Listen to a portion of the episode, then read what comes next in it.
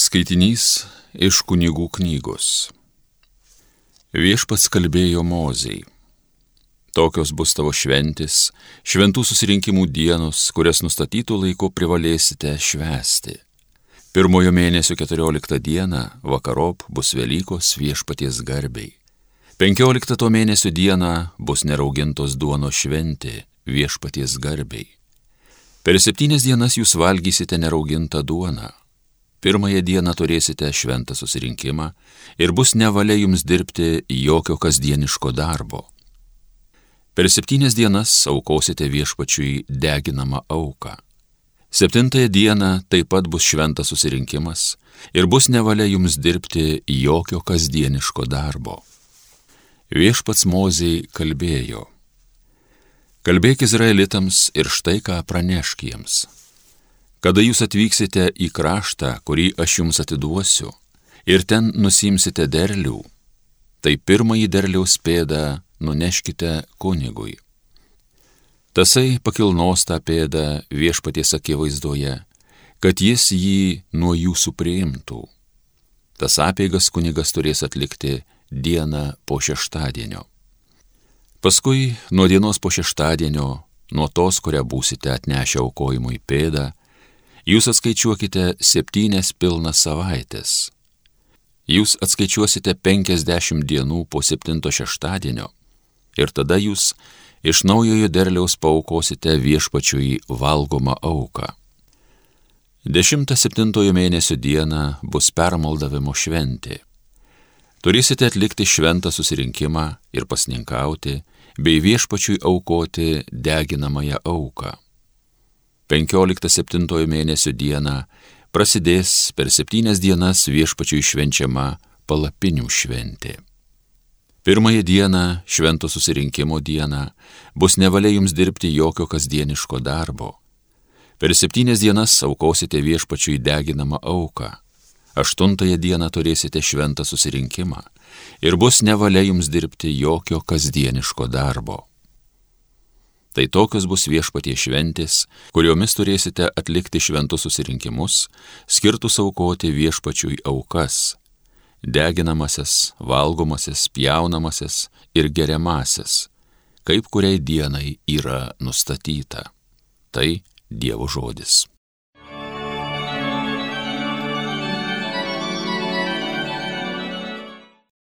Džiūgaudami šlovinkit Dievą, mūsų stiprybę Skambinkit kankliais, muškite būgnais, švelniai pritarkite arfomis, citromis, trimituokit trimitais jaunatį, pilnatį, tai iškilmingos mums dienos. Džiūgaudami šlovinkit Dievą, mūsų stiprybę. Taip Izraeliui yra nustatyta, Jokūbo viešpats taip liepė, Dievas tokį įstatymą davė Juozapo giminiai, kai prieš Egiptą kovoti išėjo. Džiūgaudami šlovinkit Dievą, mūsų stiprybę. Netikrų dievų neturėkit, negarbinkit svetimųjų dievaičių, aš esu viešpats, aš tavo dievas, išvedęs tave iš Egipto nelaisvės. Džiūgaudami šlovinkit Dievą, mūsų stiprybę.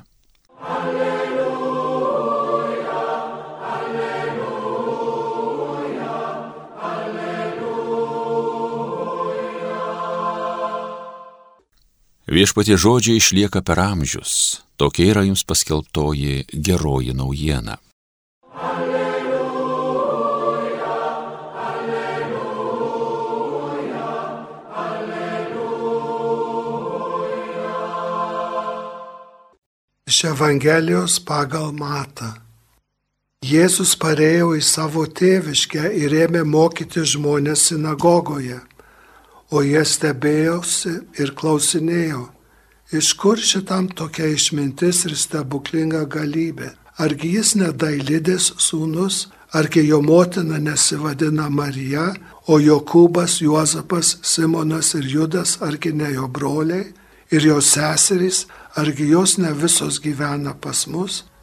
Iš kur jam visa tai?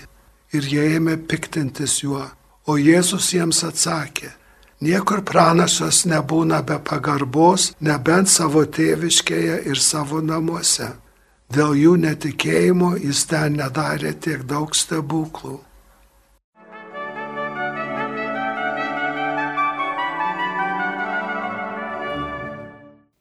Labai įdomu, kad kiti vertimai baigęs šį skirelį, dėl jų netikėjimo jis nedarė stebuklų, tik pagydė ligonių.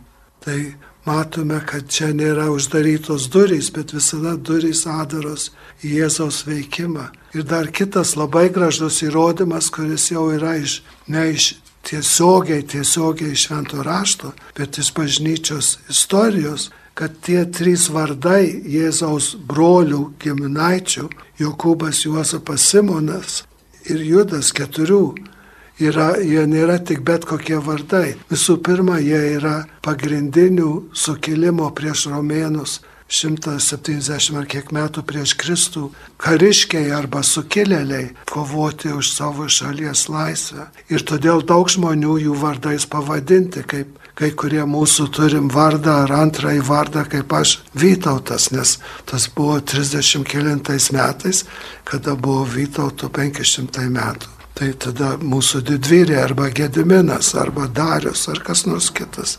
Tai šitie turėjo garsių žmonių vardus ir jie atsiranda bažnyčios gyvenime vėliau. Jokūbas yra Jeruzalės bažnyčios vadovas.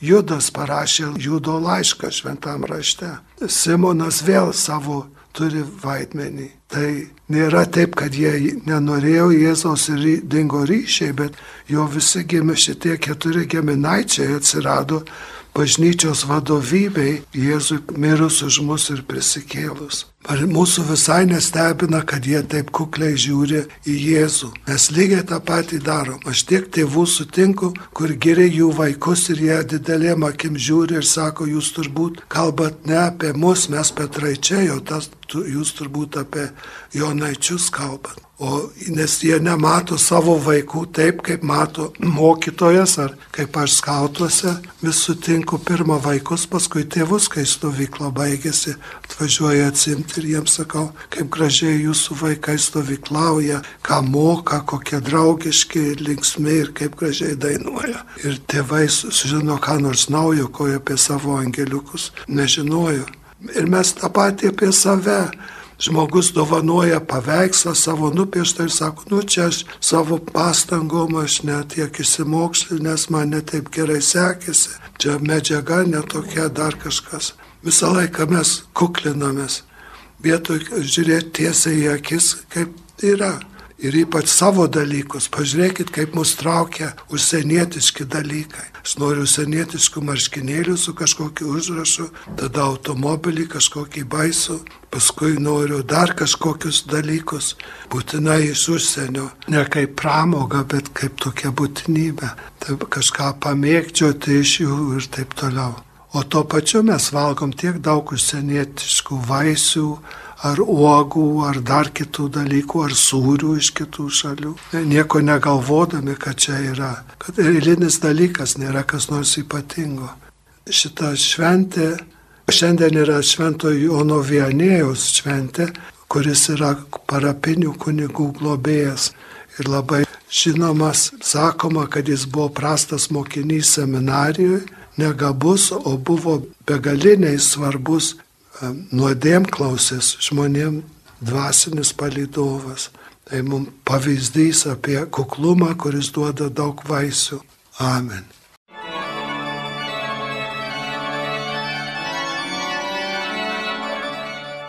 Homilija sakė tėvas jėzuitas Antanas Saulaitis.